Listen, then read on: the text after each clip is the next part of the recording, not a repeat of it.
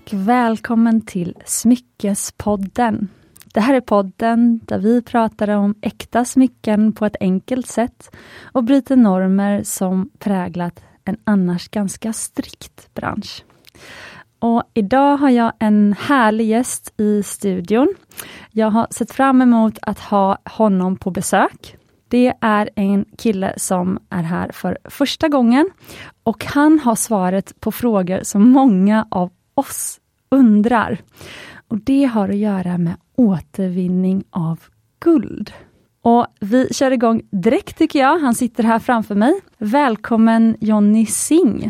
Stort tack! Hur känns det att vara i poddstudion första gången? Ja men det känns bra. Det, det är väl som jag hade förväntat mig. Ja okej, okay. den ser ut som uh, du trott. Ja, ja. Nej, men det, det känns bra. Det är väl lite tajta hörlurar kanske. Jag vet inte, vi får se om frillan håller formen. men, ja, men det känns bra. Ja, det är därför det är bra att vara en podd för att ingen kommer se dig. Exakt. Det är bara jag som ser dig. Exakt. Men vem är Jonny och vad jobbar du med? Eh, jag jobbar som eh, VD för NSG Sweden. Som eh, är eller har blivit en helhetsleverantör till ädelmetallbranschen. Men eh, när NSG grundades 94 så var det mer enbart mot guldsmeder. Framförallt i Stockholmsområdet som vi var leverantör till. Och NSG står för Norsk-Svensk Guld? Ja, eller det stod för det. Vi gjorde en namnändring officiellt för ett par år sedan. Um, Norsk-Svensk Guld eh, hette det från början eh, och det var ju då min pappa eh, tillsammans med en norrman och en svensk som startade eh, firman. Så det, de eh, dividerade väl ganska länge vad de skulle heta och sådär. Eh, men eh, det blev norsk-svensk guld och eh, det har väl fastnat ganska bra för att många säger ju fortfarande norsk-svensk eh, till oss fast vi heter då NSG Sweden. Och eh, det var väl när jag kom in 2004 som eh, jag mer och mer började tänka på namnet och hela liksom, den här grafiska presentationen och sådär. Eh, ville väl kanske av olika anledningar ta bort ordet guld. Eh, och efter eh, att eh, min, min pappa Harnik då, eh, blev helhetsägare år 2000 så så hade vi inte så mycket med Norge att göra heller utan det var ju bara den här norrmannen då som var med. Nej men så sen eh, så gick vi mer och mer och vi kallade oss själva NSG och vi, vi, vi liksom använde den förkortningen internt och försökte jobba mer med den utåt också. Ehm, och sen ett par år senare så eh, gjorde vi namnbyte och fullföljde den grafiska profilen och, och så vidare. Så att. Eh. Jag förstår. Och NSG är ju ett otroligt viktigt företag för oss som jobbar i branschen. Det finns ju en anledning till att mitt smyckesmärke Mumbai Stockholm har all produktion i Sverige. Jag började faktiskt i Indien men sen bara efter en, två månader så flyttade jag all produktion i Sverige. Och En av de anledningarna var att jag faktiskt också fick nys om det här företaget NSG som levererade guld till guldsmederna här i Sverige. Och NSG levererar bara återvunnet guld. Så kan inte du berätta Jonny, liksom, vad är, vad, hur, hur gick det till när NSG startades? Din pappa kom från Indien förstod jag. Ja. Vi pratade lite här innan. Mm. Kan du inte berätta den här storyn? Ja, nej, men han flyttade hit eh, 79. Eh, och ja, det var väl snabba puckar där han träffade min mamma 80 och jag föddes 81. Ja, en svensk mamma? Eh, finsk mamma faktiskt. Jaha, Men okay. Eh, de träffades här i, i Sverige. Och eh, då första åren så, så jobbade han inte långt härifrån. Det var på eh, Sturehof faktiskt. Eh, tog hand om disken där. Då. Jaha. Eh, och eh, ja, tyckte väl det var ganska okej okay jobb faktiskt. Och, eh, eh, Han fick ju vara i händelsernas centrum. Ja exakt, eller mer och mer i alla fall. Och sen, alltså där var det ju med disken och sådär men sen blev det ju både ute lite grann ta hand om kunder och sen tror jag det blev hov hovmästare också till slut. Så att, eh, eh, men han tyckte det var jobbigt eh, efter ett tag med de här lite sena kvällarna och sådär. Och eh, eh när min syster skulle födas då 96, eh, förlåt, eh, 86 så eh, sökte han eh, mer, eh, vad ska man säga, arbetstider som passade eh, familjen. Eh, så då blev det mer då blev det ett fabriksjobb eh, på en målarfirma. Jaha. Jag stod och blandade färg hela dagarna. och det, det var väl okej, okay. men sen så tröttnade vi lite grann på det också och sökte jobb på en engelsk firma som jobbade med ädelmetaller. Okej, okay, av en ren slump eller? Ja absolut. Eh, annonsen eh, som de använde för att söka personal var på engelska och som jag förstår det så han, hans engelska var sådär också så att det stod så här Nobel Metals men han visste knappt vad det var eller vad det var för tjänst han sökte. Han trodde det var en plåtslagarfirma kanske? Ja, så att eh, nej men så, eh, företaget då var ju Johnson Matthews som han sökte till. Eh, och de skulle då öppna kontor i, i eh, på Södermalm. Eh, på Roselundsgatan. Okej. Okay. Så det jobbet fick han. Eh, alla var glada och min syster kom ut och familjen växte och han jobbade på bra där på på Johnson Matthew och eh, gjorde väl karriär där också från lagergolvet uppåt. Eh, fick ju ansvar eh, mer och mer. Eh, sen så skulle de lägga ner den här firman eh, av olika anledningar. Så då började jag jobba på en annan firma. Eh, som höll till i krokarna där också. Som också höll på med ädelmetall? Ja. och där jobbade han ett par år. Och det var där då han träffade den här norrmannen Olav eh, ah, okay. som jobbar där och eh, den svenska killen också. Eh, Acke som han kallas i branschen. Och vad gjorde den här firman? Vilka var deras kunder? Eller? Det, ja, det var egentligen samma sak. Det var ju att eh, eh serva eh, smeder, ta hand om guldskrot, återvinning och så. Ja, ah, okej. Okay. Eh, men eh, det funkade inte jättebra eh, tydligen, eh, som jag fått det berättat. Så då valde de tre då att, eh, att sluta och starta NSG istället. Eller Norsk Svensk Guld. Gud så inspirerande. Och nu, ni omsätter ju jättemycket pengar kan man säga, alltså ni är ett mm. jättestort företag. Det är otroligt eh, inspirerande. Jag tänker din pappa var en riktig sån här Uh, ja, det, om det hade varit i USA hade det varit the American dream, mm. kanske the Swedish dream då? Ja, nej men absolut. Han, uh, jag tror han har varit, eller han är en förebild för många och han har ju verkligen gjort en bra uh, karriär och, och, och, livsresa liksom. Så att det är kul. Så att, och när de startade sen eh, Norsk Guld så hade ju alla olika liksom spetsegenskaper. Eh, ekonom och säljare och lageransvarig och sådär. Så att de, eh, Vem var din pappa av dem? Ja, men han, han, han var ju den här, vad ska man säga, ja, alltså titeln var ju liksom lageransvarig och, och liksom logistikansvarig kan man säga.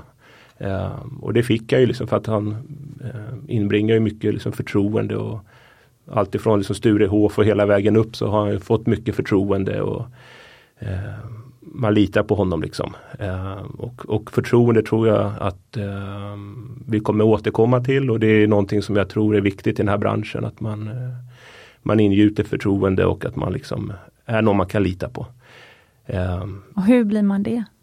Ja, nej men det, det vet jag inte men jag tror det är väl eh, man man kanske eh, har det i, i sitt DNA på något sätt, jag vet inte. Sen är det väl klart saker man kan träna på sådär men jag tror framförallt om man ser i, i vår bransch så tror jag det är i alla fall bra att man tänker eh, långsiktigt och inte försöker eh, vända kappan efter vinden och jaga snabba pengar.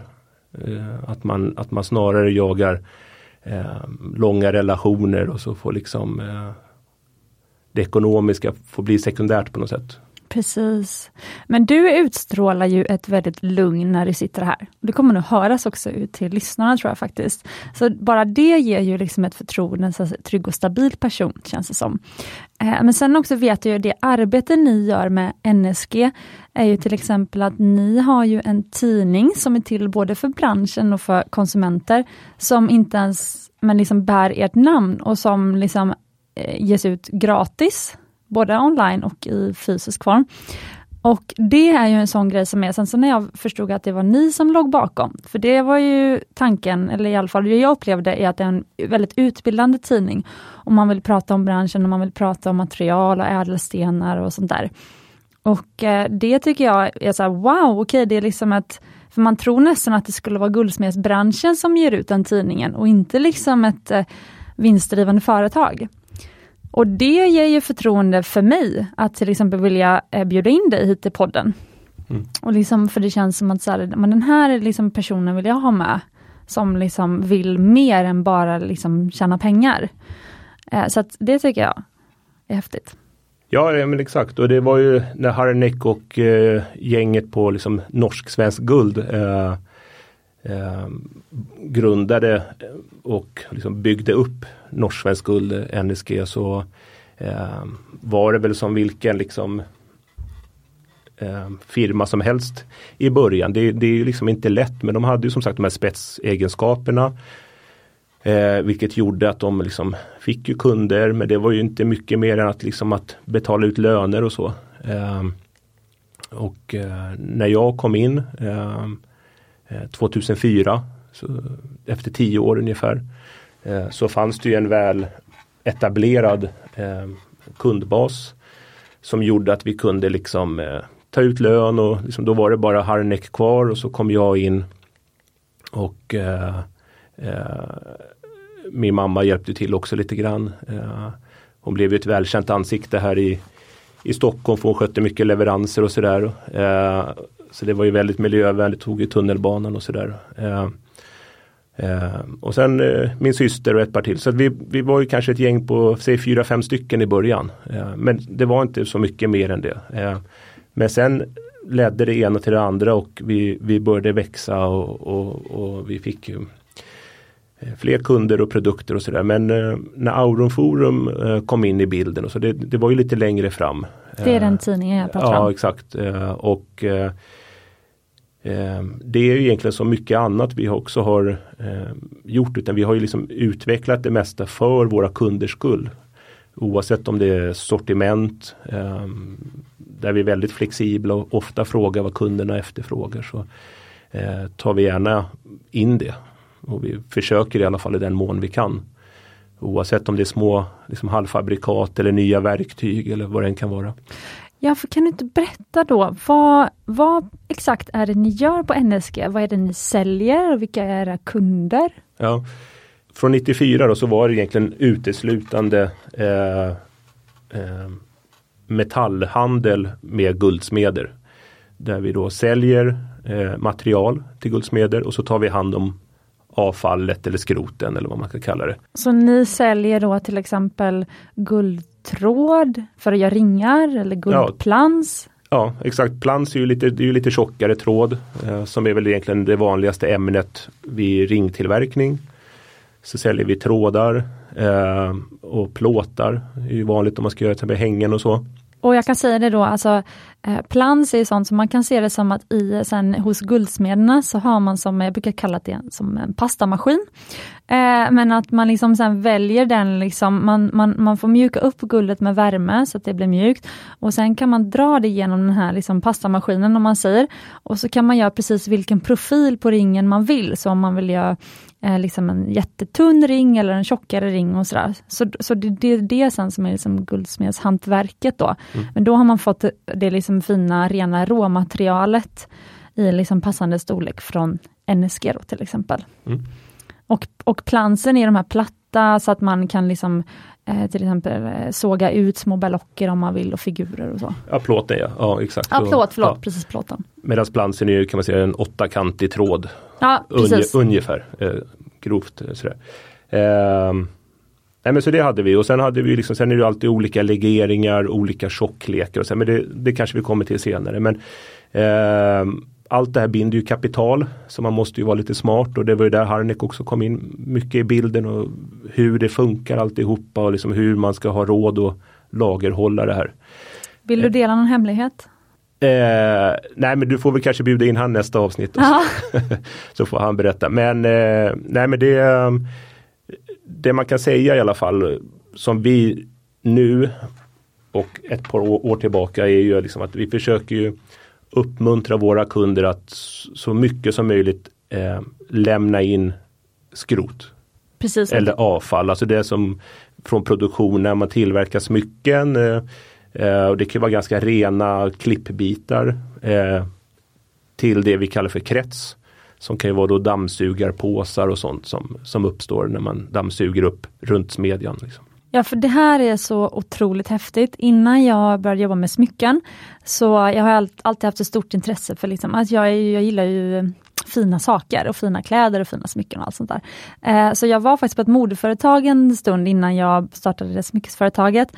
Och där är det ju också väldigt mycket spill och det är mycket tygbitar och sådär, men det går liksom inte att återanvända om det inte är större bitar. Um, nu har jag sett att vissa modeföretag gör så här scrunchies, sådana tofsar till exempel av överblivet tyg. Så det är bra. Men i alla fall det som är det häftiga när man kommer till guldsmedjan, det är ju att liksom de, alla guldsmeder har som en, ofta är det som en läderpåse eller tygpåse som är under bänken. Och där samlas allt skrot upp, så det minsta lilla dammkorn, även sen när man filar och slipar liksom och gör smycket fint och glansigt, då samlas det här små, små dammet upp och sen så när man har liksom kanske 10 gram till slut, och det går snabbare än man tror, då skickar man det till NSG och så återvinner de det. Alltså varje liten liksom dammkorn räknas, det är så coolt. Ja exakt och eh, den eh, återvinningen är ju liksom Det är ju någonting vi har jobbat med länge. Alltså i branschen och i Sverige och hos NSG. Eh, så där ligger vi verkligen i framkant och visst mycket har ju eh, Mycket ligger ju till grund för värdet. Att man tidigt var ute med att vilja, vilja återvinna det här. Men eh, nej, så det har ju lett till att man har ju byggt upp processer som gör att man verkligen försöker att samla upp så mycket som möjligt och uppmana kunderna också som att återkoppla till din hemlighet är att det är ju alltid bättre att använda sitt egna material. Eh, även om det kanske inte ser så roligt ut när det ligger i en dammsugarpåse eller i, i mm. en skinnfäll. Men, men skickar man det till oss så kommer vi eh, ta hand om det liksom på bästa sätt enligt alla liksom, standarder som finns. Och eh, så, så gör vi nytt material av det. Och, och um, Hur går den processen till? För det ni eh, när man lämnar sitt guld, även vi på Mumbai, vi sparar och skickar guld till er. Eh, vår, vårt skrotguld från ateljéerna. Eh, men då, och sen så får man tillbaka, och man får ju nästan tillbaka samma värde, som, alltså samma mängd gram som man skickar in till er får man ju, förutom ett litet avdrag för er eh, jag glömde bort vad ni kallar det, men eh, den här liksom kostnaden för reningsprocessen. Mm. Och, men hur går reningsprocessen till? Det är ju en fråga jag velat ställa till dig länge. Eh, ja, nej men det finns väl ungefär fyra eh, olika stadier. Det, stadie nummer ett kan man säga registrering. Att när vi får in ett, ett eh, material eh, och det kan komma in på olika sätt beroende på hur mycket det är. Eh, en del har ju 10 gram och en del har kanske 10 kilo eller 100 kilo. Eh, eh, beroende på som sagt vilken form det är, om det är krets och om det är från stora verkstäder och sådär. Eh, men det ska registreras eh, och det är viktigt här att då titta Alltifrån liksom okulärbesiktning till liksom eh, med, med ganska avancerade maskiner. Okulär är med bara ögonen? Ja, det räcker ju ibland. Men oftast så, så, så gör vi ju mer. för att säkerställa så att det inte är något farligt för, för de liksom, anställda på NSG men, eh, men för vidare transport också. Är det mycket metall ni får in som eh, inte är vad kunderna trodde att det var? Som inte är äkta eller som inte är guld? Och... Eh, ja, nej men det händer. vi, vi jobbar ju förvisso nästan enbart med, med alltså business to business. Så att vi, det är ju oftast eh, kunder som har jobbat länge eller som har ganska bra kunskap. Eh, och, och liksom verkar liksom för, för, en, för en seriös bransch och så. Eh, vi har ju även eh, kunddeklarationer man ska skriva på att man, liksom, man vet vad man skickar till oss och att man har liksom, eh, tar ansvar där och att det inte kommer från någon liksom penningtvätt eller eh, kriminellt barnarbete från någon gruva eller konfliktzon och sådär. Så, så det ska man ju skriva på. Eh, framförallt om man är kanske på en viss nivå uppåt då. Ja, man men, har väldigt men, mycket material. Ja, nej, men vi, för vi har ju alltid, vi har ju skyldighet att liksom spåra eh, bakåt då. så vi ska kunna garantera att, att det inte är någonting konstigt med det materialet. Skyldigheter från vem? Eh, nej men framförallt så är det ju från eh, C. Hafner, eh, våran stora samarbetspartner i Tyskland. Ah, okay. Eh, som är, eh, de har ju eh, liksom alla, alla eh, krav på sig som man kan ha. Eh, från alla möjliga olika, alltifrån LBMA till RJC och det finns massa olika sådana organisationer. Så de, de, Som verkar för en etisk guldbransch? Ja, till exempel, men det är mycket annat också. Okay. Uh, så, det så, så de är ju verkligen ja, världsledande skulle jag säga nästan på, på att, att ställa krav på sig själva och, och um, följa allt såklart som, som behövs. Och då ställer de ju krav på deras Superbra, det är där det börjar. Ja. Därför man ska ställa krav som företag. Ja, ja absolut. Så det, så det, och, och, och det är ju väldigt behagligt när det kommer uppifrån. För oftast är de här liksom, när man pratar kanske återvinning och sådana saker, då kanske det är liksom en folkrörelse underifrån mm. som liksom ställer krav uppåt. Eh, men här är det liksom verkligen från högsta eh, instans. Liksom. Eller högsta liksom, eh, eh toppen. Så, att det, så det sipprar ner på oss och då får vi ställa våra krav, eller stä, måste ställa krav på våra kunder. Att de vet vart det som de skickar in till oss kommer ifrån. Ja. Och eh, Så därför kollar vi ordentligt innan vi börjar liksom jobba med det. Det var steg två? Ja, steg ett, själva den här re registreringen och där man liksom kollar eh, och man liksom väger in. Det är ju också en sån här jätteviktig sak för våran liksom, transparens. Så att liksom allting filmas ju från flera eh, vinklar och det fotas och det vägs ju på bra vågar. Och vi har ju också det här four eye principle att det är alltid minst eh, två personer av fyra ögon som, som är med. Fast det är övervakat på, med kamera och allting. Okay, wow, för att jag pratade precis med eh, min kollega Fanny som eh, nu ska gå upp och bli helt produktionsansvarig för oss. Eh, och så pratade vi om att vi, för nu växer vi och behöver mer struktur. Så funderar jag på om jag och Fanny kanske ska gå på studiebesök till er. Få lite strukturtips ja. eh, och se hur ni jobbar. Ni verkar ha superbra kontroller. Mm. Mm, Nej, men jättegärna. Så att, eh, vi har ju flyttat också så vi har ju nya, äh, nya fina lokaler. Mm, att, eh, Varmt välkommen. Eh, så det är steg ett. Eh, steg två är ju då att, att göra inkommet material homogent. det vill säga att hela posten är likadan. Om man ska hela posten som ska till Tyskland? Ja, eller ja, så kan man säga. Men alltså hela, om du skulle komma till oss med säg 100 gram skrot eh, eller 10 kilo dammsugarpåsar eh, så behöver vi göra det homogent. Dammsugarpåsar från Guldsmedsateljén ska sägas. Till exempel, ja. ja.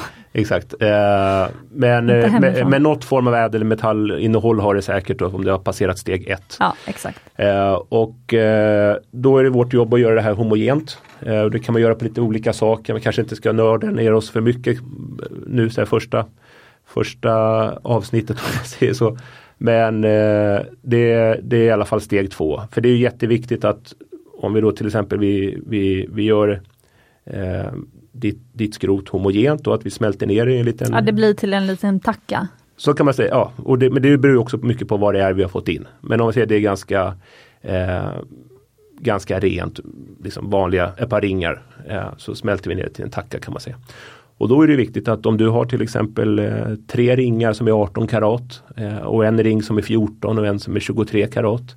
Eh, så är det viktigt då i den här tackan när man testar den att det inte är att allt är 18 är på en sida och så är det någonting annat på andra sidan. För att Den här tackan så man, man borrar ju den minst två gånger diagonalt. För att, liksom, att de här borrproven ska vara så långt ifrån varandra som möjligt. Jaha. För att liksom säkerställa då att man inte tar på samma sida av tackan om man säger så. Eh, och de här borrproven då som de här spånen man får. Det är ju det som ligger till grund sen för steg tre som är analysen.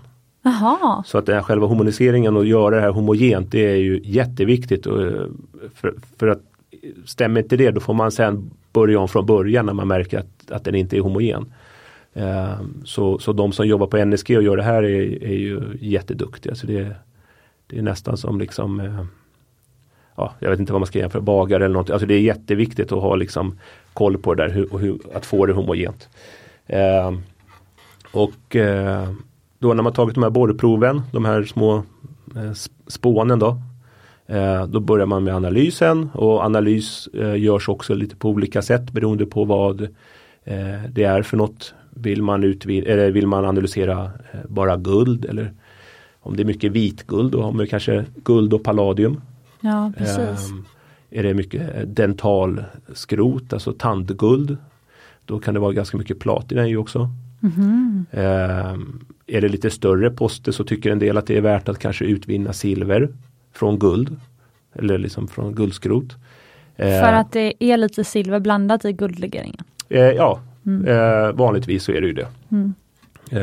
Så att, men att det kanske inte är lönsamt att, att utvinna eh, om det är för små poster. Mm. Att kostnaden för att liksom, utvinna det är 10 gram guld är liksom större. Ja, nej, alltså nej. Då, då är det kanske ett gram silver, då pratar vi fem kronor och så kanske det kostar ett par hundra att få ut det. Så att, men eh, nej, så att eh, analysen görs ju då på olika sätt som sagt beroende på vad det är man vill ha ut och vad det är för typ av eh, skrot från början och så. Um, och sen sista steget egentligen det är ju själva utvinningen det som är det man kallar liksom, det man brukar säga själva återvinningen och sådär. Men det, men det är ganska mycket, många steg innan och det är ganska mycket jobb innan. Ja, för det ni gör sen då, bara så också jag förstått rätt, men eh, om inte jag förstått så har säkert inte lyssnarna heller förstått brukar jag tänka. Men då är det alltså, det är fortfarande en blandning i de här guldtackorna då som ni har liksom borrat och det här. Då är det fortfarande en blandning, det är ju smutsigt guld kan man säga. Ni har inte renat det då, för sen ska väl alla metaller separeras och sen ska de renas och blandas ihop på nytt till nya legeringar? Eller? Ja, alltså man kan ju säga det, det är ju renare än när vi fick det i alla fall. För att ah, om, okay. om, alltså jag menar på så sätt om vi liksom använder fackspråk att, liksom att det är ju inget smuts på utan det, det, är ju liksom Det är ju rent på så sätt att allt är ju liksom bortbränt. Om du har till exempel eh, gamla Bismarcklänkar och Det kan ju vara liksom fett och gamla ja, tvålrester. Och, Eh, när vi får in tänder och sånt där, det kan ju vara rötterna, det kan ju sitta kvar och sådär. Så, så, så allt sånt försvinner så, att, så det är ju ganska rent på så sätt. Eh, men däremot så kan ju eh, alltså själva eh, karathalten eller finheten i ädelmetall, i guld till exempel, kommer ju inte vara 18 karat eller 750 eh, tusendelar utan det kan ju vara egentligen vad som helst beroende på vad som är där i. Eh, så vi, vi, eh, vi gör ju de analyserna som kunden efterfrågar. Till exempel eh, guld och palladium och då utvinner vi guld och palladium. Så då, det är så rena? Ja, att då får vi ut det från den här biten då. Precis, för jag kan säga det till lyssnaren också att eh, guld som är guldsmycken som vi bär, det innehåller ju inte enbart finguld. För enbart finguld då skulle allt vara 24 karat. Då blir det väldigt gult och väldigt mjukt. Så då gör man legeringar, så till exempel 18 karat guld är 18 24 delar, vilket då är 750 000 delar, vilket är 75 procent. Så då, eh, och men då i reningen då så vill man utvinna det som bara är guld för att kunna blanda om det. Eller? Ja, ja. exakt. Eh, så att eh, så dit vi skickar då i Tyskland eh, och vi har valt att använda dem för de är bäst vad det gäller alla de här tillstånden och kraven och så de har på sig. Men också hur de själva jobbar. Eh, eh, så, så därför har vi valt att, att jobba med dem. Eh, för Sverige är ju, eller Norden är ju en ganska liten marknad. Eh, det, det, det kostar otroligt mycket att följa alla de här reglerna eh, och eh, få alla de här tillstånden. Det krävs stora volymer. Eh, det finns liksom ingen i, ingen i Norden som är i närheten av det liksom att, att, att eh, uppfylla eller ha råd att betala. Eh, och så tar det tid och så vidare. Så att vi, vi anser att vi gör det vi tycker är viktigt och det vi kan göra här och det som är, har varit efterfrågat av eh, våra kunder. Eh, sen skickar vi ner det till, till Tyskland. Eh, som är väldigt smidigt också, ligger ju väldigt nära oss eh, rent geografiskt. Eh, och de tar hand om det här på bästa möjliga sätt. Ehm, Eh, och om vi säger att de får ett litet paket av oss på, på måndagen. Eh, sen kanske på onsdagen så beställer vi någonting. Och då kanske vi beställer lite plans och plåt och det här vi pratade om tidigare. Ja, ja, okej. Okay. Och då har ju de eh, utvunnit det här eh, och satt ihop det till nytt material och så har vi eh, förenklat då. Eh, ja. så, har, så har vi då eh, beställt och eh, så kommer det upp ett paket till oss med det vi har beställt. Och då är det egentligen hopsatt av det som vi tidigare skickat till dem. Exakt. Okej men det här är härligt och nu har vi ändå kommit fram till kärnan som är Det är så svårt att förklara det här för kunder och följare och sådana som frågar. Eh, men många är så här, åh men jag har det här gamla halsbandet från eh, min någon släkting. Mm. Eh, jag vill smälta ner exakt det här till en ring. Mm. Och då liksom försöker jag ju förenkla förklara att liksom det är inte riktigt så det funkar. Utan liksom det är den här processen. Eh, så att nu ni som lyssnar kanske får en annan bild nu av hur, att det, för så fort jag säger också att ditt halsband från din släkting kommer blandas upp med massa annat guld på vägen och vi, vi kan inte liksom räkna med att vi kommer få tillbaka exakt liksom en guldtacka som består av ditt eh, det här halsbandet fast renat, utan det blandas ju upp i en process. Och det är nästan det som blir Eh, off, man får offra det för att ändå få helt återvunnet guld. Att då blir det någon annan släktings armband som man får tillbaka, eller någon gammal tant kanske. Men, eh, så att, men däremot så finns det ju guldsmeder som faktiskt tar in och bara direkt smälter ner. Första ateljén jag var i, um, och sen guldsmed som heter Johanna, hon älskar att smälta ner kunders guld direkt. Men det man ska veta då är att det, har inte gått igenom den här reningen och det kan komma upp porer och det i efterhand som det blir som bubbligt på ytan. Det, alltså man, man, det blir svårare att få det här superhögkvalitativa smycket om man smälter ner så liksom smutsigt gammalt guld. Mm. Ja men exakt så, så, så är det och det, jag menar, det är ju Eh, kunder frågar ju också att om vi kan liksom ta fram eh, blått guld och svart guld och ah. lila guld och, och sådär. Och liksom det, alltså det, det går ju, alltså rent kemiskt att liksom tillsätter du aluminium till exempel eller kobolt eller olika sådana här eller järnoxid och sådär då, då kan du få sådana olika färger. Men det svåra är ju att säkerställa produktionskedja så att beställer du idag och att då ska du garanterat kunna få samma sak i januari. Eh, och, och, det är det svåra, att, att få så här stabila legeringar. Ah, okay. eh, som, som, funkar. Men att liksom eh, ja, Om smed kan ju försöka, det går säkert att googla fram recept. Och alltså det går ju att få fram sånt. Sen är ju såklart, sen kanske man inte kan få något som är helt knallsvart. Eller helt eh, superlila men vi pratar liksom nyanser och det är precis som rött guld är ju inte rött utan det är ju mer kopparrött är ju inte ketchuprött. Liksom. Nej, nej, nej, så, nej, så, så man, toner och, och, och nyanser, det är, det är ju det vi pratar om. Liksom. Ja men det är sant, för jag kommer ihåg nu också att hon blandade sitt eget roséguld av gult guld.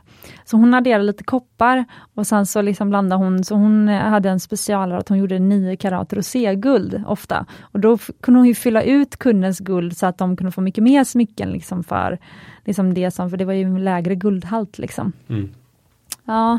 Ja, nej men så det är, det är, det är kul att, att, att verkligen vara med i det här återvinningshjulet och tänket och, och förbättra det hela tiden. Ja men det är därför jag älskar den här branschen för den känns som en så modern pro, produktionsbransch. Eh, eh, liksom mm. Och jag önskar att fler hade det här jättecykliska liksom, eh, tänket. Mm. Att liksom fler branscher hade det, nu kommer det ju fler och fler. Men jag älskar den här äkta smyckesbranschen och det är ibland därför jag har den här podden och kan bjuda in dig. Men okej, okay, det här är jättekul, men då tycker jag vi kan gå vidare till legeringar faktiskt. Eh, för att nu tyck, undrar säkert många, vad är skillnaden mellan rödguld, roséguld och vitguld? Och varför till exempel vill vissa ha platina i sina förlovningsringar? Vill du prata lite om det? ja, alltså det, det, det, finns ju oändligt eh, många tankar och eh, inspirationskällor och, och sådär. Eh, min fru till exempel, hon är ju från eh, London och i England är det ju bara platina som gäller. Ja, det är Tiffany som gjort det, som är orsaken eller? Eh, jag, kan, jag vet inte varför men, men jag vet ju att, att, att, att det är platina som gäller och sen tror jag det spelar mindre roll till exempel stenkvalitet och, och vilken kvalitet av platina. Bara man kan säga att det är platina. Liksom. Ah, Okej, okay, så intressant. Men ja, nej, men så det, det är lite sådär eh, och eh, vad det gäller legeringar generellt så eh, är det ju också lite eh, utmanande tycker jag att eh, eh att en legering kan ju liksom ha flera namn. Mm -hmm. Till exempel den här klassiska svenska eh, färgen eh, som vi egentligen nästan bara har i Sverige. Det finns ju liknande men, men exakt den här och så liksom etablerad som den är i Sverige är ju bara i Sverige som, som det finns. Liksom. Och, eh, det är det som heter rödguld? Ja, eh, det var det jag tänkte komma till. Liksom, att det finns ju, en del säger ju mellanfärg. Ja, jag för, för att den är liksom mellan den gula och eh, rosa. Men den heter väl nästan 18 karat svensk mellanfärg? Ja, jo, men, det, men det blir ju så väldigt långt, liksom, ja. svensk mellanfärg. Eh, men den är jättefin, den är så ljusgul. Mm. Så jag som älskar att använda härliga olika färgade ädelstenar i mina smycken, jag tycker att det är bästa basen för alla ädelstensfärger. Jag tycker den är jättevacker. Den ljusare? Eller? Ja, den här ja. ljusa guldfärgen. Mm. Mm. Men sen är ju det här eh, eh, om man säger, du har ju den här svenska, sen har du ju ännu gulare och sen har du ju ännu rödare. Eh, och det var det vi pratade om där med legeringar att, eh, att eh, om du ska ha en 18 karats eh, ring så är det ju 75% finguld, 24 karat.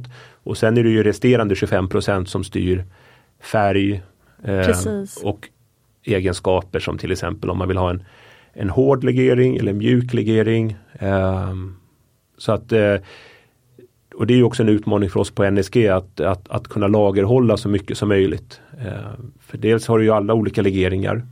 Som jag sa innan vi började, vitguld, vi har ungefär jag tror fem eller sex olika bara vitguld. Eh, att det ska vara olika palladiumhalter till exempel. Är det alltid samma karat? I, för olika länder har ju olika krav på karathalt för att få sälja som guldsmycken. Säljer ni, för exempel i Danmark är det många smycken som säljs som 14 karat. Mm. Men jag tror inte vi, köp, vi har köpt det från er, alltså vi har ju bara 18 karat från er. Nej vi har 14 och, ah, okay. och det är ju Det har ju varit störst också i Finland till exempel men där mm. kommer 18, 18 mer och mer nu. Eh, men annars så är det ju liksom, det är ju EU-standard att det är ju 9 karat är ju det lägsta som får, man får kalla för guld. Eh, men det är ju stor skillnad i i Portugal till exempel, där tror jag de har 19,2 karat som standard. Oj! Uh, Men säljer ni 9 karat den här svensk mellanfärg? Eh, vi har valt att ha 14 som lägst. Okay. Eh, 18 är ju det vi säljer eh, 80-90% av om vi pratar liksom rödgulds eller liksom guldlegeringar. Eh, så, så är det ju det som eh, går allra mest. Sen har vi 14, vi har 23. För jag hade ju gärna sett 9 karat för att speciellt nu om jag ska, det hade varit kul att göra lite så här halsband, kanske lite så här choker som är så här hårda, eh, som nästan ser ut som ringar fast runt halsen. Även runt eh, liksom, handleden, runt armbanden. Eh, alltså jag har ju svårt att komma ner i pris på dem, alltså de blir mm. liksom eh, mycket dyrare. Armband och halsband startar ju då liksom på helt annan prisklass än ringar och eh, blir liksom väldigt dyrt för den som är verkligen smyckesintresserad och vill köpa några smycken per år. Så det hade varit kul att liksom kunna till exempel ha 9 karat bara för att så här, du får ett högkvalitativt äkta smycke så där in, som inte förstörs, det är inte liksom färger, det är, ingen, det är inte guldpläterat utan det är helt och hållet äkta men det är inte så himla dyrt. Mm. Nej men då är det, det är bara kontakta oss så kan vi nog oh, lösa ho! det. Ska så, göra det. så det är nog eh, Ofta så är det ju en eh, kanske en volymfråga ändå. Ja, då. Eh, alternativt en prisfråga. Så att, för att jag menar, det mesta går ju att få fram. Eh, men som det är i dagsläget så vi jobbar ju bara med, med företagskunder då, mm. eh, i stort sett. Men, eh, men ja, nej, men där brukar vi som jag sa tidigare också att vi mycket av det vi gör, vi försöker ju liksom lyssna på, på våra kunder och eh, absolut eh, ta in speciallegeringar, specialdimensioner är ju det är väl nästan det vanligaste att, att vi har liksom ett standardsortiment och så är det kanske att man behöver någon extra tjock plans eller plåt eller någon extra tunt. Eh, så att, eh, men att, att eh, som sagt att lagerhålla det är ju en utmaning som eh, som vi har lärt oss av, av Harnek och, och grabbarna på Norsk Guld på, från 94. men sen är det ju det här att vi när vi, när vi började och liksom vi började växa och sådär. Eh, och vi, vi, kände att vi hade ett bra stabilt sortiment. Eh, det var ju då vi kände att vi behövde eh, förklara för folk eh, att vad vi har. Och det var ju då vi började mycket med de här liksom Aurum Forum och, och de här eh, Guldalliansen. Och, ah, okej, okay, vad kul! Okay. Här, så att, eh, och webbshop och så vi, vi satsade ju ganska mycket där under ett par år eh, på liksom marknad och liksom visa vad vi har. Okej, det här är jättekul. Vi ska gå in på det. Jag måste bara stanna vid för att vad eh, är de här vit, vad är vitguld blandat med? Vi måste gå igenom det här bara för att ja. det här är en vanlig fråga som vi får. Yes. Eh, många frågar om nickel i vitguld och så brukar jag säga nej, det är inte nickel längre, det var det tidigare. Men sen så det här, de olika procenten i vitguld, kan du inte, kan du inte prata lite om de olika varianter mm. på vitguld som finns? Självklart, eh, alltså det är ju eh, vi har ju det, om jag tror det stämmer, så det lägsta vi har det är 6 eller 7 palladium. Eh, och det högsta vi har är ju 16 palladium i våra vitguld. Och det är alltid 18 karat guld? Eh, ja, vi har 14 också men om vi ska ah, hålla okay. oss till, till 18 då så att det blir lite lättare. 75 så, så 75 eh, guld och sen har vi då om det är 6-7 eh, palladium upp till 16% palladium. Och sen är det ju övriga metaller då eh, för att det ska som, bli 100. Som är typ silver eller? Silver, eh, det kan vara zink, eh, koppar. Koppar är en sån bra metall för att göra det hårt. Ah, okay. eh, zink har andra bra egenskaper, silver har bra egenskaper så det beror helt på vad man vill eh, ha för e-, egenskaper. Ska det vara bra legering för att gjuta med? Ska det vara bra legering för att liksom smida med? Ska man ha en legering som man ska fatta mycket sten i, då vill man inte kanske ha det allra hårdaste för det brukar inte stenfattarna gilla så mycket. Ah, eh, okay. Men de vill inte heller ha det mjukaste så att de stenarna trillar ut efter ett år. Eh, så, så där känner vi att vi har hittat ett, ett, ett, eh, ett lagerprogram som, som håller. Liksom. Eh, men det är, det är palladium som gör det vitt för de som inte har koll på det. Ehm. Men blir det då samma färg på de här olika procenten eller är det samma färg fast man har liksom vägt upp med zink till exempel så blir det vitt? Ja, nej, alltså det är ju eh, Man kan säga att det, det, är ju nyans, alltså det finns ju sån här eh, yellowness, eh, yellowness index som liksom eh, graderar vithet och, och sådär. Ah, okay. Men eh, den som har mindre palladium är ju gulare än det som har mycket palladium. Ja, okej. Okay. Så så kan man väl säga. Men har du för mycket palladium så har du egenskaper att det kan bli lite mjukare. Ah, okay. Så då behöver man balansera upp det. Så det, så det är lite, lite kanske eh, för mycket att ta in på en gång. Men, men, det, men det finns eh, sätt att, eh, att eh, justera. Men ska man ha här, Det finns en legering för alla typer av jobb. Ja, superintressant. Mm. Men sen är det lite svårt att kanske lagerhålla alla legeringar. Ja, förstår. Framförallt om man då ska tänka på att man ska ha det i plåt, i tråd, i plans, i rör och Exakt. så vidare. Och sen dimensioner på det så att det, det, det blir ganska ohållbart. Men, eh, men eh, har man frågor eller är, liksom, är ute efter något speciellt så kan man alltid höra av sig till oss så kanske vi kan ta in det. Jättebra. Och nickel, varför var det nickel före vitguld? Alltså nickel är ju en jätte, jättebra metall. Ah, okay. Eh, alltså för, för smycke. För alltså alla för, utom allergiker. Exakt. Nej men alltså, om man ser till egenskaper så är det ju jättevitt, jättevit fin metall och det är eh, hård och bra metall. Eh, och hård metall vill man ju oftast, eller vill guldsmederna oftast ha för att det liksom ska liksom ta bra när man slipar och polerar.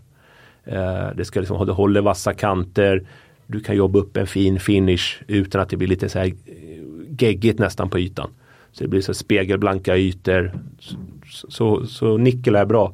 Eh, men det som är ännu bättre det är att vi har myndigheter som reglerar farliga, mm. farliga eh, ämnen. Eh, och där var ju nickel eh, eh, en av de ämnena som, som eh, vi inte kunde ha. Och Det är bra men då får man ju börja tänka som leverantör och experimentera fram nya legeringar.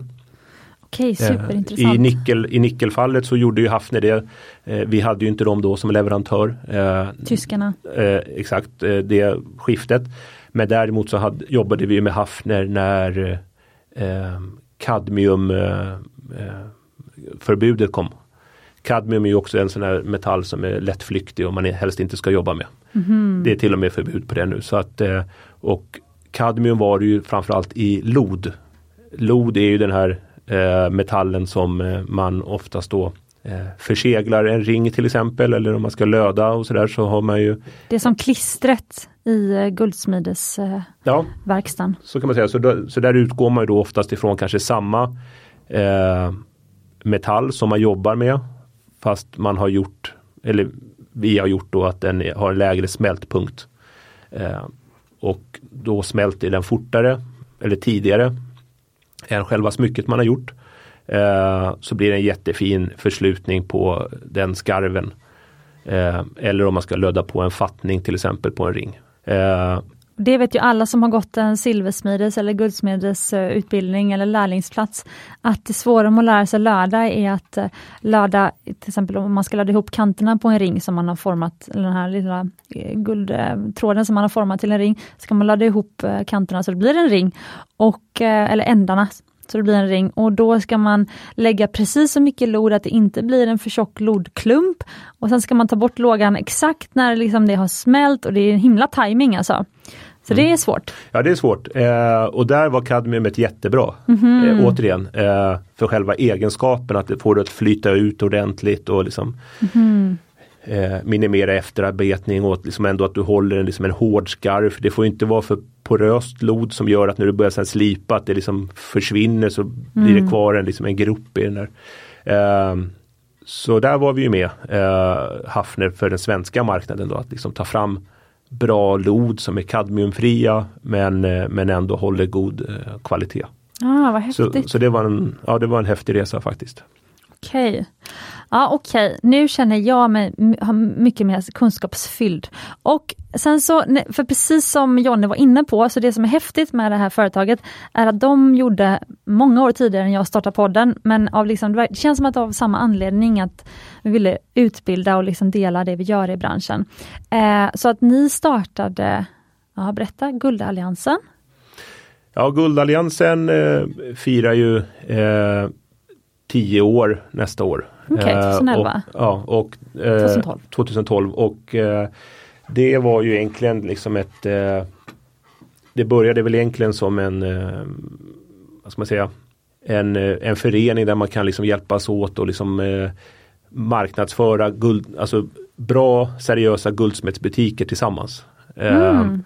och att man jobbar då med, med återvunna metaller och, och sådär. För att vi märkte att det var inte många guldsmedsbutiker som eh, annonserade om sånt. Utan den annonseringsbudgeten man hade la man kanske då på eh, diverse bröllopsmagasin och, och, så vidare för, för själva eh, intäkterna så. Men eh, den här upplysningen eh, var det inte så mycket med. Men, så då tänkte vi att vi, eh, vi gör det liksom under gemensam flagga. Guldalliansen och eh, det var många som anslöt sig och liksom man behövde ha vissa, uppfylla vissa kriterier för att vara med och sådär. Att man liksom jobbar ansvarsfullt och eh, värnar om liksom återvunna metaller och, och så vidare. Att man har eh, en gedigen erfarenhet i branschen.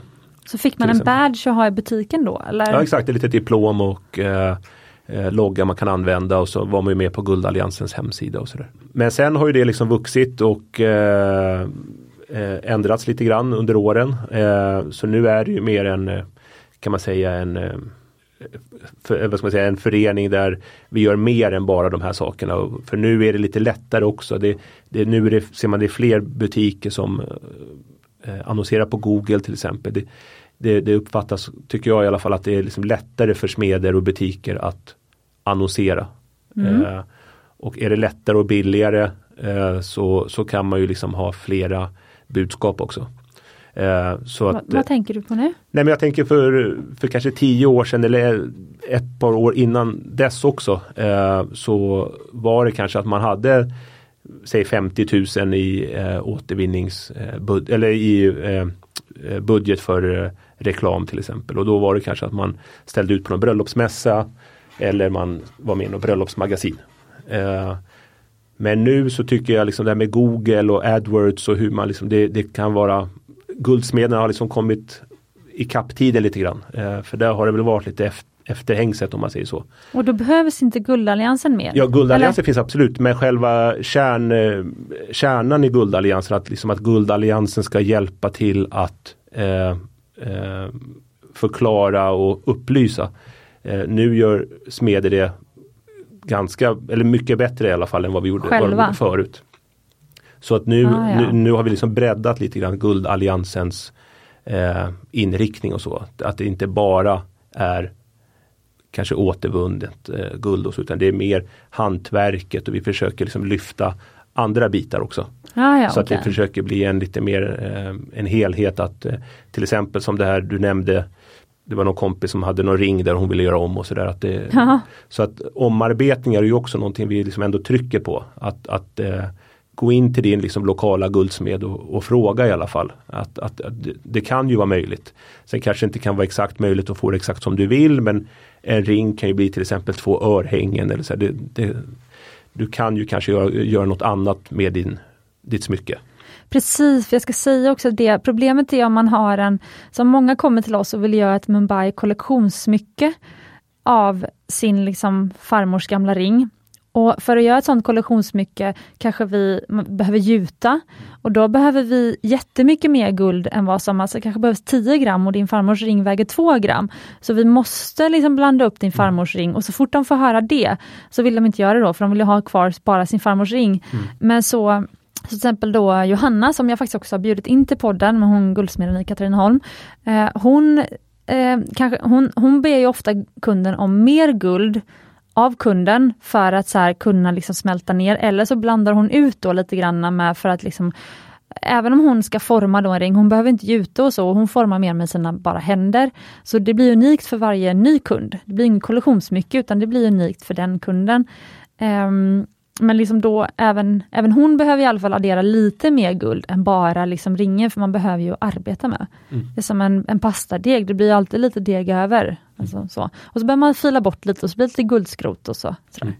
Ja, nej men eh, absolut, så att, men jag, jag, tycker i alla fall att man ska gå in till sin guldsmed och, och fråga Eh, för att omarbetning är ju egentligen det, det är ju det renaste formen av återvinning. Ja absolut. Eh, sen kanske det inte alltid går men, men då får man ju det svaret och så får man ju ta det därifrån. Så att nej men så Guldalliansen har ju vuxit och vi har ju haft liksom träffar ute på mässor utomlands och det, det är ganska mycket större nu än, än när vi började på, på många olika sätt. Men, eh, men grundvärderingen är ju ändå det här liksom att det ska vara eh, hantverk, tradition, återvunnet. Eh, det är ju liksom huvudessensen. Sen, sen försöker man ju alltid liksom följa med marknaden lite grann. Eh, och ett bra exempel på det är ju också Auron Forum som vi startade eh, i stort sett samma veva.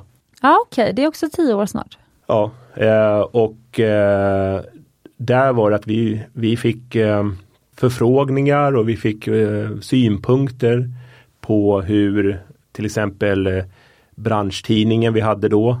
Hur den sköttes eller hur, den, hur den var. Att den kanske inte var så mycket för guldsmeder utan det kanske var mer nästan om champagne och Formel 1-bilar. Än, än liksom...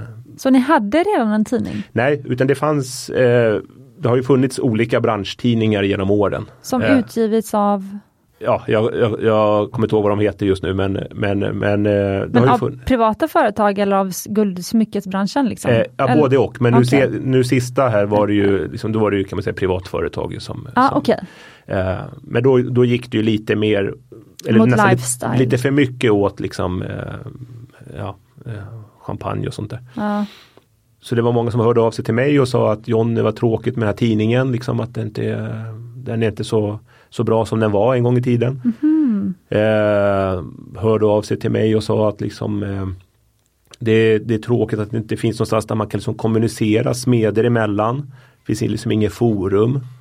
Eh, och så sa de att de inte har någon så här marknadsplats där de kan köpa och sälja begagnade eh, verktyg och maskiner. Eh, det skulle vara kul om det fanns någonstans någon bildbank där man kan liksom eh, dela bilder med varandra. Ah. Så allt det här liksom mynnade ju ut i Aurum Forum. Eh, där man då, som det var i början, då var det ju ett, liksom ett forum eh, där man då kunde diskutera saker i branschen. Ah, ja. Det var, man kunde lägga upp bilder, eh, man kunde Eh, det fanns en marknadsplats där man kunde liksom lägga upp om man hade någon, om man skulle gå i pension eller något sånt där. Man kunde lägga upp lite verktyg och sådär så kanske någon annan köpte upp det.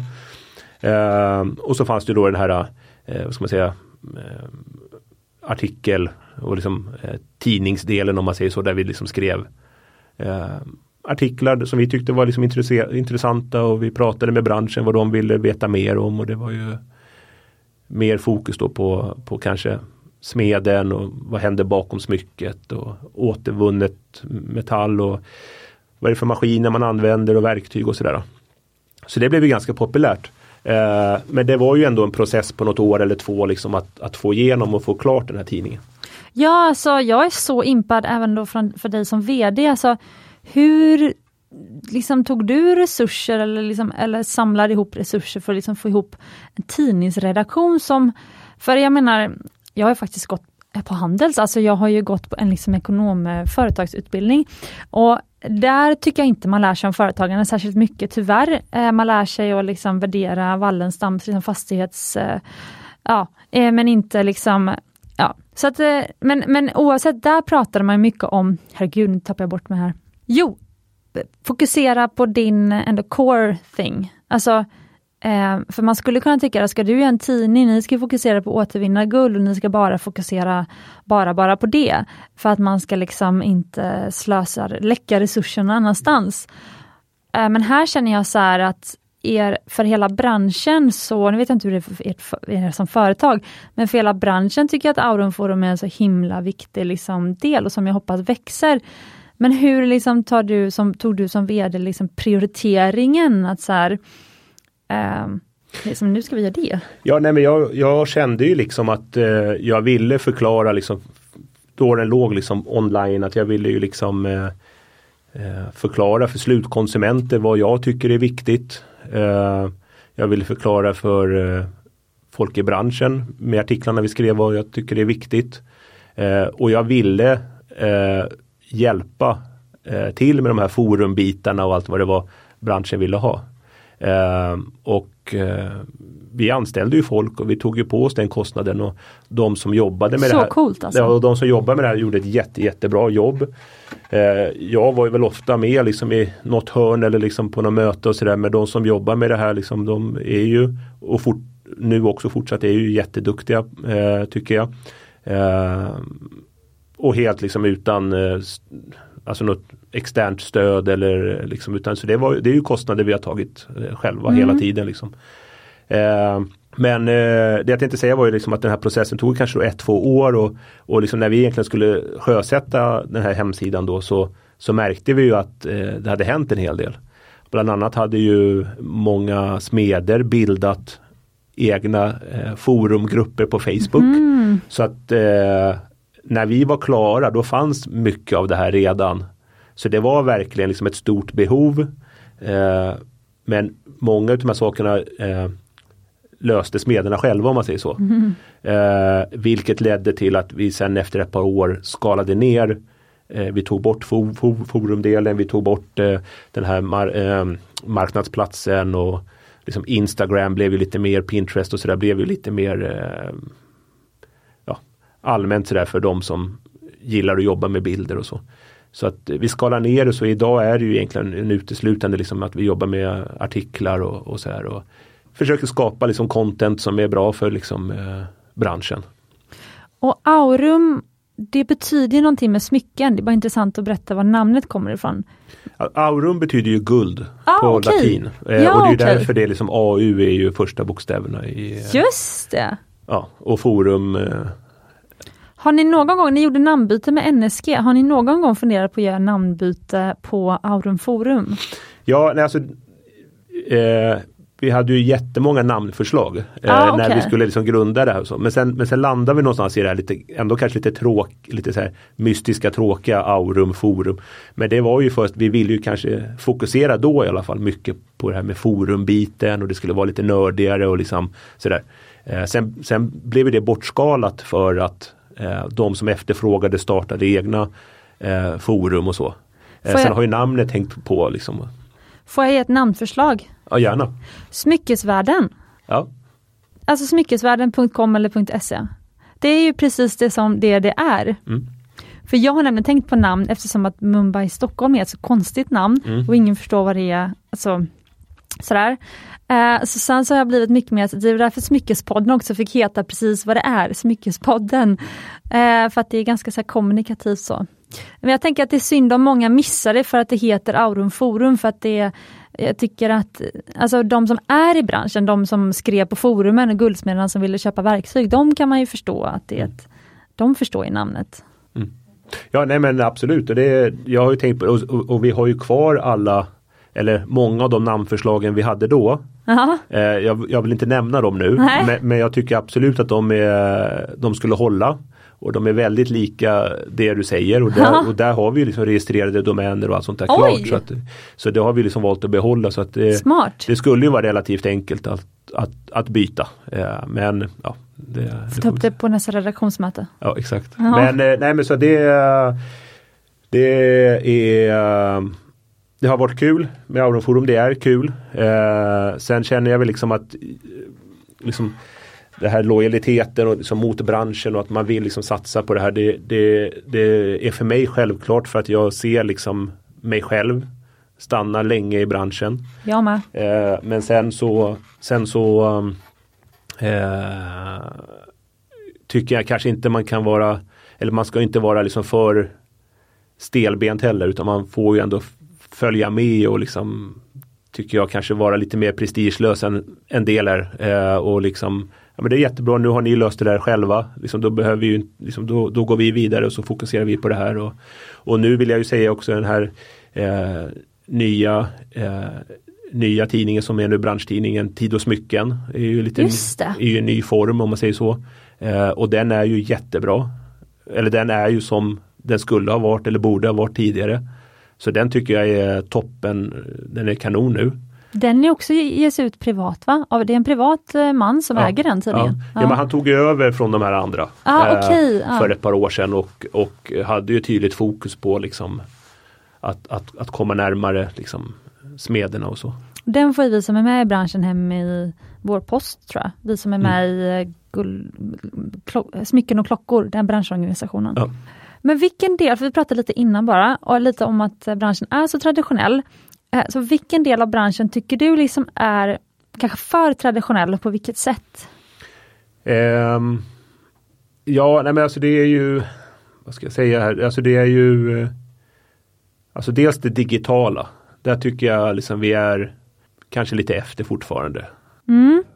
Alltså en del, så framförallt nya som kommer, är ju jätteduktiga och jobbar med bilder och moderna webbshoppar och sådär. Eh, och, och jag har ju absolut en förståelse att det är ju en kostnad och att man kanske inte är eh, duktig på allt som jag tror många tycker eller tror att man ska förvänta sig av en, liksom en enmansföretagare eller om man är kanske två stycken och man har varit guldsmed hela livet. att Jag kan ju inte fota och jobba med webbshop och sådär. Men det ändras ju så mycket nu och det är ganska eller relativt billigt tycker jag att få hjälp. Alltså det finns ju sådana som kan driva webbshop åt en. Det finns ju lagerhållning och det finns ju alla möjliga olika logistiklösningar och, och man kan få hjälp med fota och sådär. Men där tycker jag generellt att man borde eh, kanske satsa lite mer. Eh, så att man inte blir kanske omkörd eh, av utländska liksom. För det finns ju sådana stora utländska aktörer som kanske kommer in och som har allt det klart. Eh, jag tänker från liksom konsumentperspektivet att det kanske är mer inbjudande att handla från någonting som ser bra ut. Eh, fast bakom kulisserna vet man ju inte alls ifrån vart kanske metallen kommer ifrån eller hur de jobbar. Ja, men jag håller med. Alltså, jag tycker att eh, Tänk om alla de superduktiga svenska smederna som vi har här och liksom smyckesdesignersarna, alltså om de fick till marknadsföringen lika bra som de får till sina produkter. Mm. För det är så synd när de här, ofta tyvärr är det de som har bäst hemsidor, det är ju de företagen som liksom lägger en större del av sin årsbudget på marknadsföring och lämna mindre till produktionen. Och då måste man ju lägga produktionen i Asien där man inte vet var guldet kommer ifrån. Mm. Så att, men, och det är det som då konsumenterna attraheras av. Sen kanske det ändå står massa fina gröna slagord på hemsidan. Alltså mm. det blir så skevt. Mm. mm. Ja men det är en sak och sen eh, eh, är det ju liksom kanske i vissa fall liksom maskiner och utrustning att man hänger med där och att man liksom försöker kanske vara lite mer uppdaterad. Eh, kolla med leverantörerna, ställer frågor att det är liksom eh, Guldsmedsyrket är ju ett av de absolut äldsta yrkena som finns. Eh, och jag tror att liksom när man väl har kommit in och man har kört liksom på ett visst sätt eh, i decennier att det kanske är svårt att eh, kolla eh, vad finns det för legeringar nu? Vad finns det för verktyg och maskiner nu? Eh, alltså bara en sån sak som ergonomi har ju hänt jättemycket. Mm. Liksom höj och sänkbara guldsmedsbänkar eller bra stolar och sådana saker har ju vi, liksom, det, det, det kommer ju jättemycket sånt. Eh, att man kanske ska hänga med där och jag, mycket är ju ekonomi, det, det, det förstår jag. Men att man kanske i alla fall eh, eh, borde sondera trängen mer än vad jag upplever att man gör. Mm. Eh, att det kanske finns en uppgivenhet där. Att, eh, kanske att man inte kan eller att man inte har råd. Men precis som jag vill att eh, konsumenterna ska gå in till guldsmederna för att kolla oavsett vad de ska göra med, med, med ädelmetall. Är det liksom köpa, investera kanske i en liten guldtacka eh, så kan många guldsmeder hjälpa till med det. Eh, har man någonting man vill göra om eller köpa eller vad det nu är. Alltså gå till en guldsmed så vill du ha någon värdering av något smycke. Gå till en guldsmed. Och på samma sätt, sätt så tycker jag kanske också att guldsmeder ska eh, liksom ta upp telefonen eller skicka iväg ett mail eller hur man än väljer att kommunicera. Men liksom kolla med leverantörerna. Vad är nytt? Eh, vad finns det för hjälpmedel för oss? För ofta så kan det ju liksom underlätta vardagen och kanske till och med bli billigare.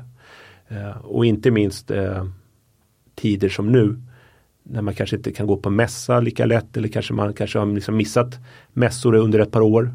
Eh, att man då ringer och kollar eh, och försöker hålla sig liksom aktuell. Eh, och det är ju jätteviktigt sen i, i sin tur eh, för leverantörernas skull. Eh, att vi vet att det finns aktivitet, efterfråga saker. Eh, vilket gör att då vi eh, anpassar oss. Antingen direkt eller att vi ställer krav kanske på våra leverantörer. Eh, så att jag tror liksom att det, det eh, krävs mer sånt att, att liksom eh, framförallt nu under de här tiderna liksom att vi liksom pratar mer med varandra och liksom Jättebra. Jag blir inspirerad själv faktiskt. Och jag visste inte att det fanns så otroligt mycket möjligheter bara man ställer en fråga. Ja. Men det är fantastiskt. Men för att vi ska avsluta. Vi har eh, haft en jättehärlig konversation tycker jag. Jag har lärt mig massa. Det var jättekul att ha dig här och jag är säker på att lyssnarna också tycker det.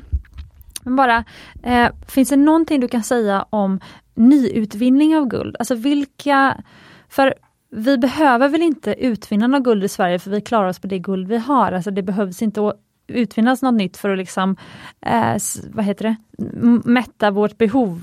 Det, är väl, det stämmer väl eller? Ja och sen, och sen är det ju liksom ädelmetaller och guld, alltså det är ju, det är ju så stort. Eh, du har ju liksom ädelmetall för industri. Ja, du har ju ädelmetaller för liksom eh, centralbanker och liksom en världsekonomi. Du har eh, för eh, eh, smycken till exempel. Så det, det, finns ju många olika användningsområden för ädelmetaller. Men om man säger för smycken i Sverige så behövs det ju, alltså det behövs ju absolut inte brytas någonting. Nej. Vi har ju, alltså vi på NSG har ju ett stort överskott faktiskt. Alltså vi får in mycket mer Förstår. än vad vi säljer. Ah, ja. eh, så att, så, att eh, så vi får ju liksom, vi får ju sälja det på, på världsmarknaden. Ah, ja, okay. så, så, att det är ju liksom, och, och men det, det, tycker jag också speglar Sverige i stort. Eh, man har kanske läst om eh, att det är brist på sopor i Sverige. För, för, vi är ju duktiga på att återvinna. Så vi köper ju sopor från Norge och Finland för att vi har liksom, vi har brist, det är rent överallt. Vi har återvinning, det kan vi svenskar. Och det är samma sak med på, på guldsidan. Vi, vi, eh, vi har eh, inget behov. Sen, sen finns det ju andra saker som kan leda till att man kanske kollar eh, på nytt att man kanske, det finns de här Fairmind och sånt här. Men det är ju liksom, det är ju också jättespännande och jättekul men personligen känner jag ju inget behov eh, för NSG eller för den svenska marknaden. Men, men vill man ha sånt eh, så finns ju det också. Förstår. Eh, för om man då reser utomlands kanske vill köpa smycken på semester eller så. Och och så vill man ju helst ha då inhemskt producerade smycken. Då. Men vilka länder kanske är lika säkra som Sverige, så man kan vara säker på att man får återvunnet guld. Finns det några sådana länder som du vet om där så här, här är det säkert att köpa äkta smycken? Ja, alltså det är väl inte säkert i Sverige heller. Alltså jag tycker man ska ju eh, börja med att fråga och det gäller ju liksom både i Sverige och utomlands. Eh, för då gör det ju ändå på något sätt att den som säljer en Alltså det blir ju en medvetenhet att, att konsumenten frågar är det återvunnet eller inte? Jag brukar säga kolla på priset. Eh, om, om priset är väldigt mycket bättre än de flesta andra svenska smycken, om du går in i en smyckesbutik och plötsligt får du 18 karat guldsmycke för jättebilligt. Då kan du vara nästan 100% säker på att det inte är gjort i Sverige. Mm. Brukar jag säga. Ja absolut, ja, men det, det stämmer och jag menar, det är ju och det gäller väl många råvaror, liksom, det är mat och alltihopa. Ja. Men, men eh, Samtidigt så behöver det ju inte heller kosta. Alltså jag menar det, jag tycker ändå liksom priset är ju mycket också, det är, ju hantverk. Mm. Eh, och där tycker jag är en stor del av pris, priset att vill man ha liksom bra gjort och med det tillkom, eller med det menar jag inte bara att det är bra gjort utan också att det är liksom att det är etiskt och liksom att det inte är något barn som har gjort det. Eller att det är under dåliga förhållanden som den här fabriken har gjort smyckena. Liksom. Eh, så att, nej, så att jag tycker liksom alla dagar i veckan att det är värt att eh, betala lite extra. Men med det sagt så är det ju inte heller liksom Går du till ett bra ställe i Sverige till exempel så, så behöver du inte, alltså har du en budget, eh, vi säger på 5000 kronor, så, så ska du ju inte känna sig, men jag har inte råd att gå in där. För det finns ju så mycket annat man kan jobba med. Man kan ju gå ner i stenkvalitet lite grann. Exakt. Man kan gå ner i, eh, i tjocklek på, på smycket. Eh, det finns ju mycket man kan göra för att liksom möta budget och det är därför att man ska aldrig liksom säga men jag har inte råd, jag köper här istället och så blundar man för vad det eventuellt kan vara. Liksom. Så, att, så gå in till eh, smeden eller butiken och, och sådär det har faktiskt så. motiverat mig att eh, jobba med lite lägre kvalitet på diamanter eller lägre om man säger certifikatkvalitet för att eh, komma ner lite grann i pris för att liksom folk inte ska känna att men jag kan inte handla här för det blir alldeles för dyrt. Uh, och nu är jag inte lika sådär, jag, tro, jag trodde att man skulle ha alltid bästa kvalitet på diamanter för annars får man inget fint smyckesmärke. Men nu har jag släppt det. Ju mer man lär sig desto mer vill man ju hjälpa konsumenten. Ja, mm. ja jättekul att ha dig här. Finns det något som du liksom vill säga till lyssnaren eller så? Något som du liksom kom hit och gärna ville prata om som liksom du inte har pratat om? Inte. Nej men det är väl, alltså jag kommer gärna tillbaka igen och prata, det var så kul. Det var så kul men, men, eh, nej, men det jag vill säga kanske till, om man ser till konsumenter som lyssnar och liksom privatpersoner och så mm. att eh, eh, det här just gå till butik och liksom testa om du vill starta, om du vill börja göra något smycken själv. Och så. Det, det, det finns, liksom, prata runt, gå till en guldsmed, de kan nog hjälpa dig med det också. Eh, och vad det gäller liksom, eh, företagarna och smederna där ute så eh, hoppas jag att vi kan, att vi syns snart på, på någon mässa eller något sånt där. Det var, det var länge sedan nu. Eh, för det behövs som sagt. Det är alltid med. lite lättare att prata och det, nej, det, det har gått lång tid nu utan att man har liksom träffats ordentligt så att eh, så jag hoppas alla ha det bra och att vi ses snart. Ja, och det är säkert många guldsmeder där ute som om ni går till någon av dem som har eh, köpt guld från NSG. Så ja, ja jättekul att det tog dig tid att komma hit. Och eh, ni som lyssnar, glöm inte att du är värd äkta smycken gjorda utav återvunnet guld såklart.